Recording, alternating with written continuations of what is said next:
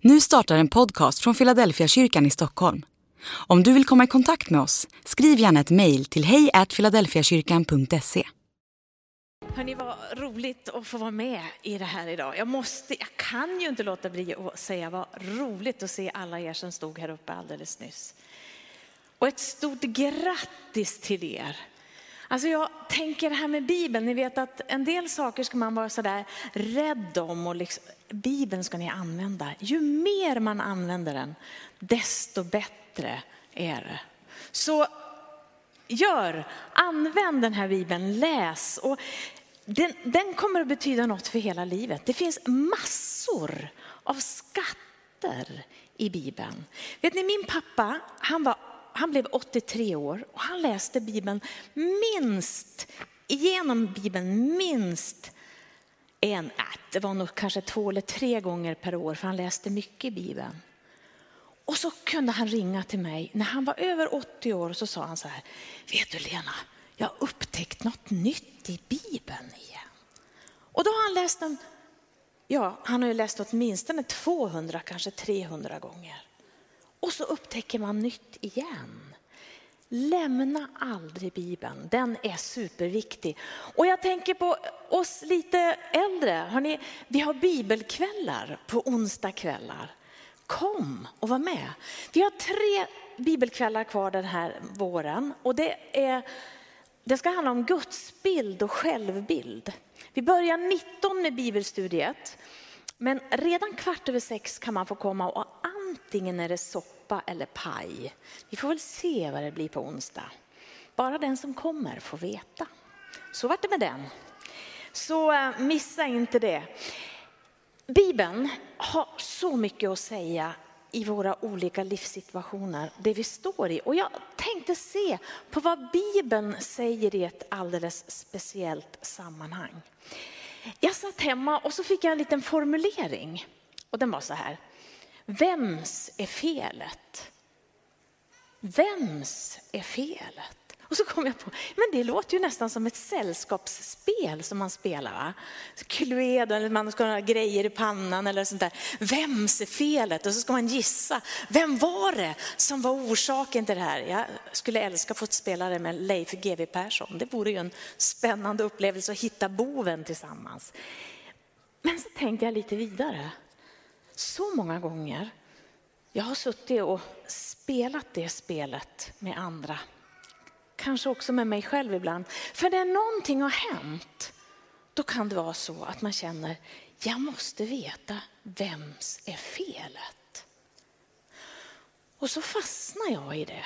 Och så sitter man där och tänker, men vem är det egentligen som har ställt till det här? Och så försöker man hitta, i Bibeln talar man om syndabock. Det brukar man prata om i, i, i, i vårt land också. Men, och det är för att man ska liksom kunna lägga skulden på någon. Vems är felet? Ibland tror jag att vi fastnar i den där frågan för att på något sätt skjuta ifrån oss vårt eget ansvar. För det måste ju vara någon annan som har gjort fel. Det kan ju inte vara jag.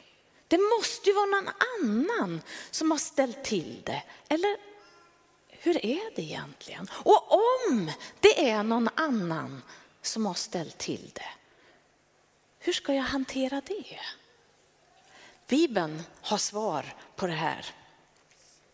Det är ju skönt att hitta någon annan som har gjort felet. Och jag vill säga redan nu i början, man måste också få ställa de här frågorna. Vem har gjort det? För ibland är det så att man måste ställa någon till svars. Det är inte det jag är ute efter, att man inte ska se det. Men följ med mig i tanken. Vad har Bibeln att säga om det här? När det händer saker som blir fel. Jag ska ta med er till ett välkänt bibelord. Och ni som fick nya biblar, vill ni följa med så kan ni gå till sidan 1202. För i er bibel är det på den sidan det här står.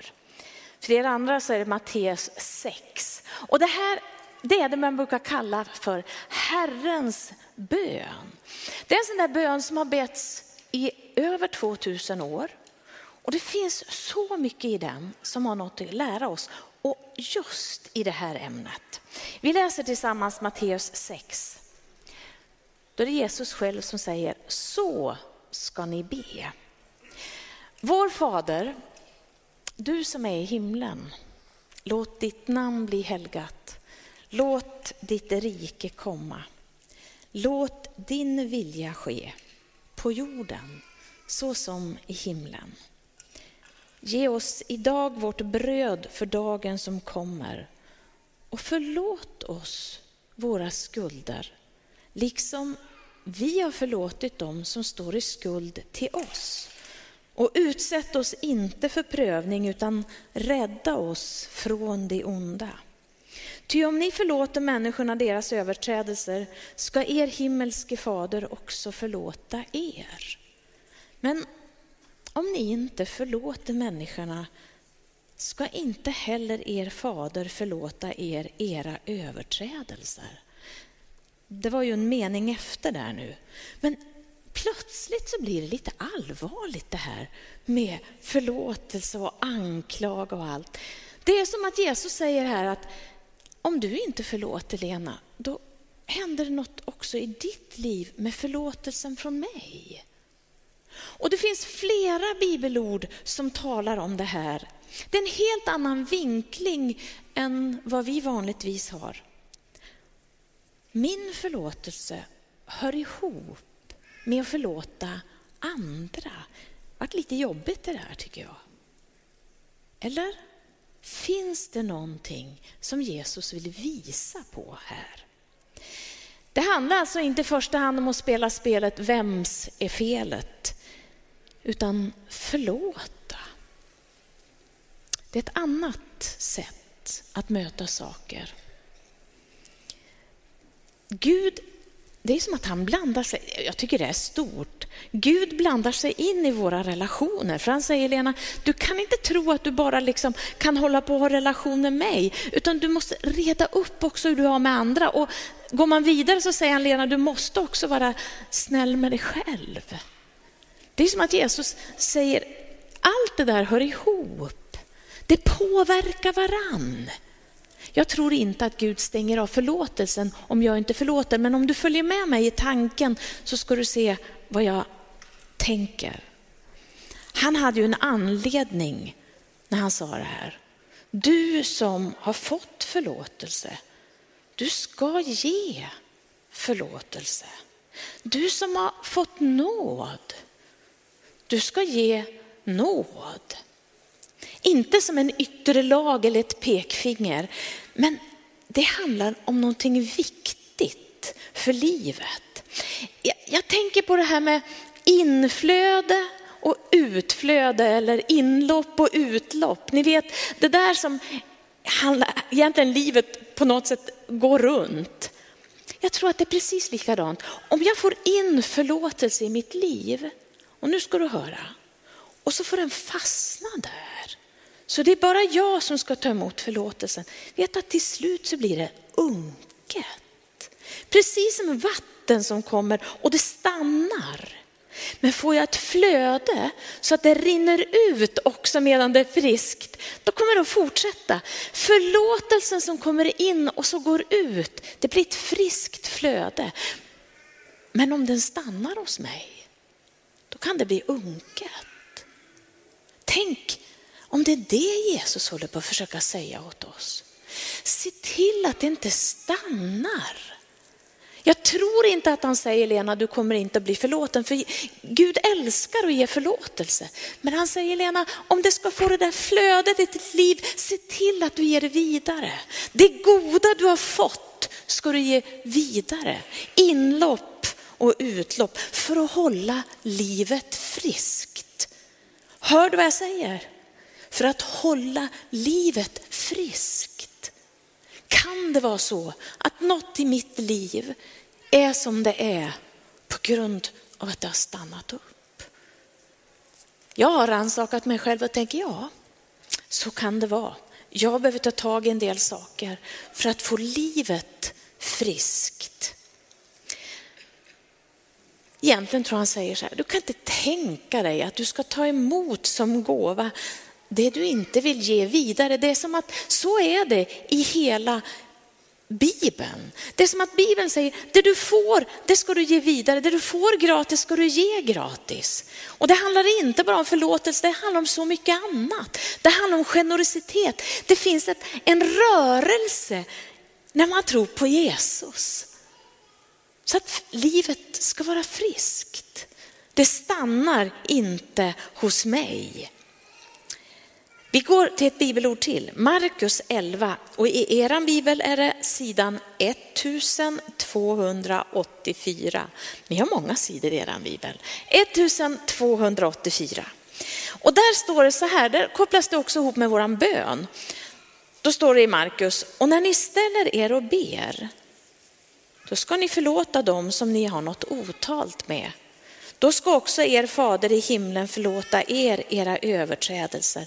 Här är det som han också säger, Lena, när du kommer inför mig, var beredd att också ta med dig förlåtelsen för andra. Så många gånger som jag går inför Gud och säger, Gud nu får du sätta dit den där som har gjort så där mot mig. Jag är ju sån, kanske inte du är sån, men jag har åtminstone varit med om det några gånger i mitt liv. Det Gud säger, Lena kom. Och så kommer du med förlåtelse. Men Gud är ju inte en sån som står och tittar på sig, nu ska vi se hur du kan förlåta. Utan då möter han mig. Och så säger han, Lena, jag ska hjälpa dig. Men du behöver förlåta för att komma vidare. Det påverkar hela mitt liv. Och Gud han vill förlåta dig och mig utan hake. Men jag tror han vill säga, du kan inte ta emot det du inte vill ge. Och då handlar det inte om att Gud inte vill ge. Men jag kan inte ta emot det som jag inte kan ge vidare för det blir unket.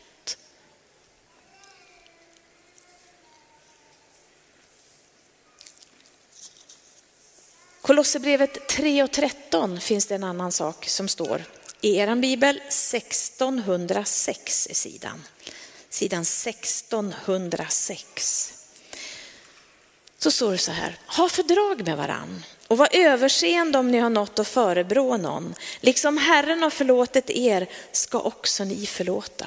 Inga små ord, som Herren har förlåtit. Och han har sagt Lena, allt, allt är borta så ska ni förlåta. Och då vill jag snabbt säga att ingen av oss kan förlåta som Gud. Det ska vi aldrig tro. Men det finns något i det här som är viktigt för våra liv. Förlåta. Förlåtelsen är viktig och att förlåta, det är viktigt för livet. En kvinna sa så här, jag längtar efter att jag skulle kunna bli förlåten av någon. Hon hade inte förstått att det finns hos Gud. Jag längtar efter, för hon sa att det skulle vara så mycket lättare. Och jag skulle vilja säga, det händer ju också något med mig när jag förlåter. Det är ju som att en börda tas av mig när jag förlåter någon annan. Man andas lättare och bördan försvinner. Det kan vara svårt att förlåta, jag vet. Ibland kan det vara svårt att förlåta för att jag har svårt att känna mig förlåten själv. Det är kanske där det inte flödar riktigt. Vems är felet? Vem är orsaken till det som har hänt? Det är en viktig fråga, jag vill säga det, men låt inte den frågan ta all din tid när någonting har hänt börja fundera, kan det här vara ett sätt för mig att få ett flöde i mitt liv av förlåtelse som går vidare?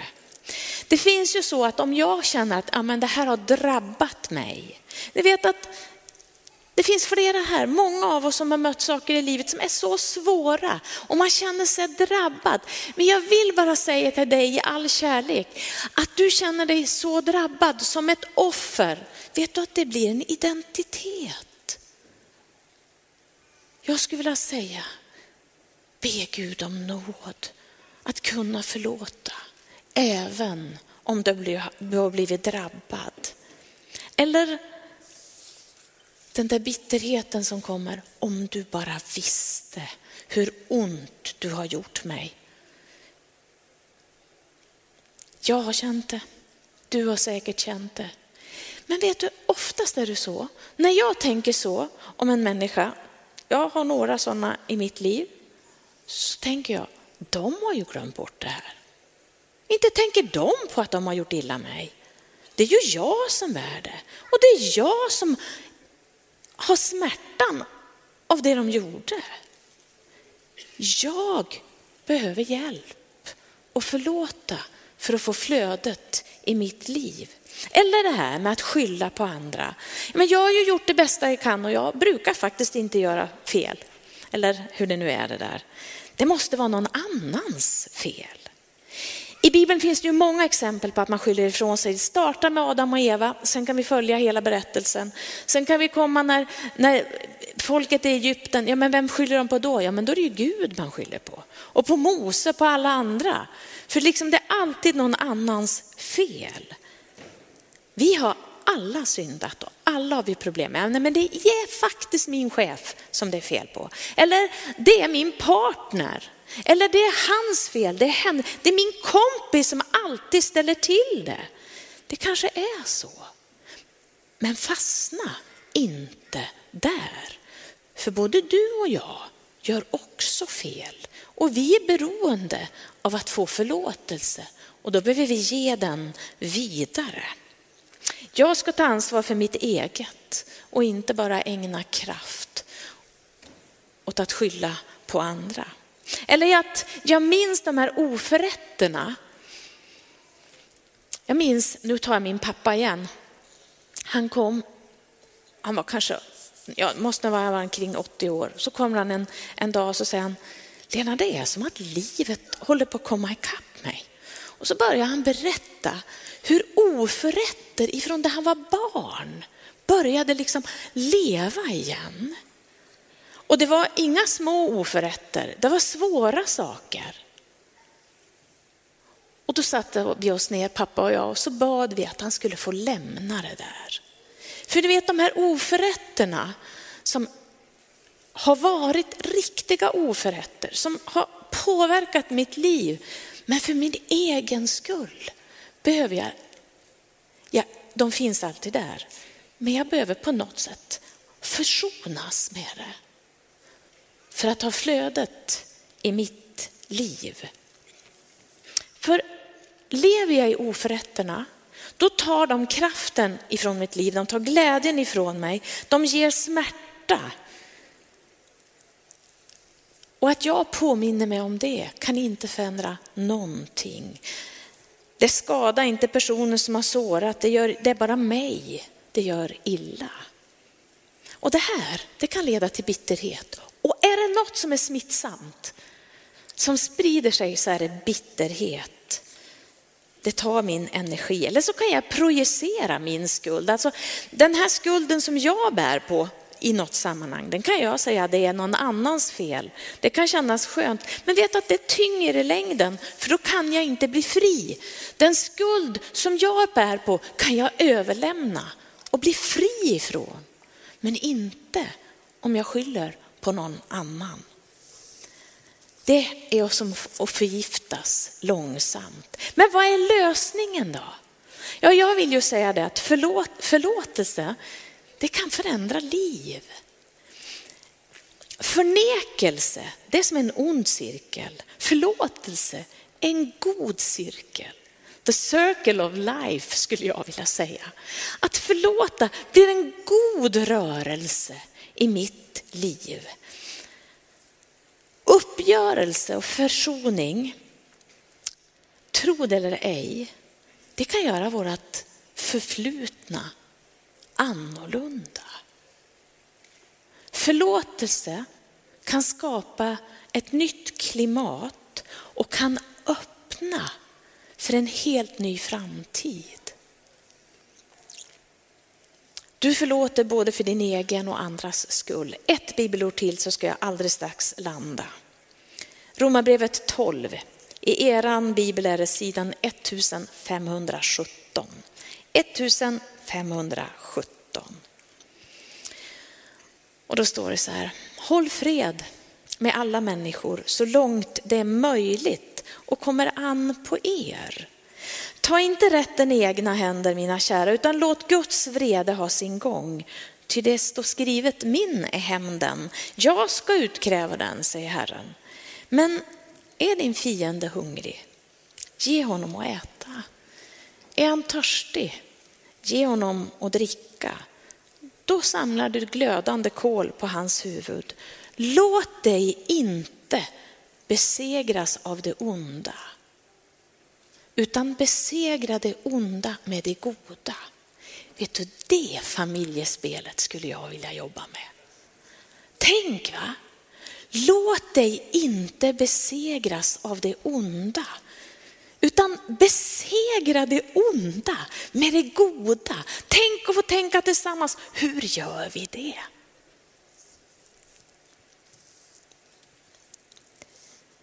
Det här ämnet är så stort och man behöver hantera händelser på olika sätt. Jag vill säga det, jag har full respekt för det du har varit med om. Men du vet, ämnet kan också vara det här lilla som handlar om din vardag just nu. Så jag tänker, vi behöver se på helheten. Men det jag vet, det är att rörelsen gör något gott och håller mitt liv friskt. Människor måste ta ansvar för det man har gjort. Och jag måste ta ansvar för mitt liv. Om jag nu ska sammanfatta och säga den sista strofen så är det goda nyheter. Lyssna. Du kan påverka ditt nu. Det som har varit och det som kommer. Du, genom att släppa in förlåtelse och försoning i ditt liv. Den enda vägen till det här vill jag påstå är Jesus själv. Han vet priset av att förlåta och han utlämnar oss inte till oss själva, utan han vill hjälpa oss. Och så har jag skrivit med stora rosa bokstäver, nåd. För i allt det här och över allt det här så vilar nåden över ditt liv. Men jag skulle vilja påminna dig om det där som skaver. Det där som händer på skolan när det blir jobbigt. Försök att använda förlåtelsen som en frisk kraft i ditt liv. Jesus Kristus, ja, jag vill bara överlämna det här till dig, för du är förlåtelsen själv. Du har, du har gett den största försoningen och största förlåtelsen. Men du vet att vi människor behöver det här i våra liv. Om vi är, går i klass 4 eller om vi är 80 år så möter vi det på olika sätt. Jag ber bara om din nåd över våra liv. Amen.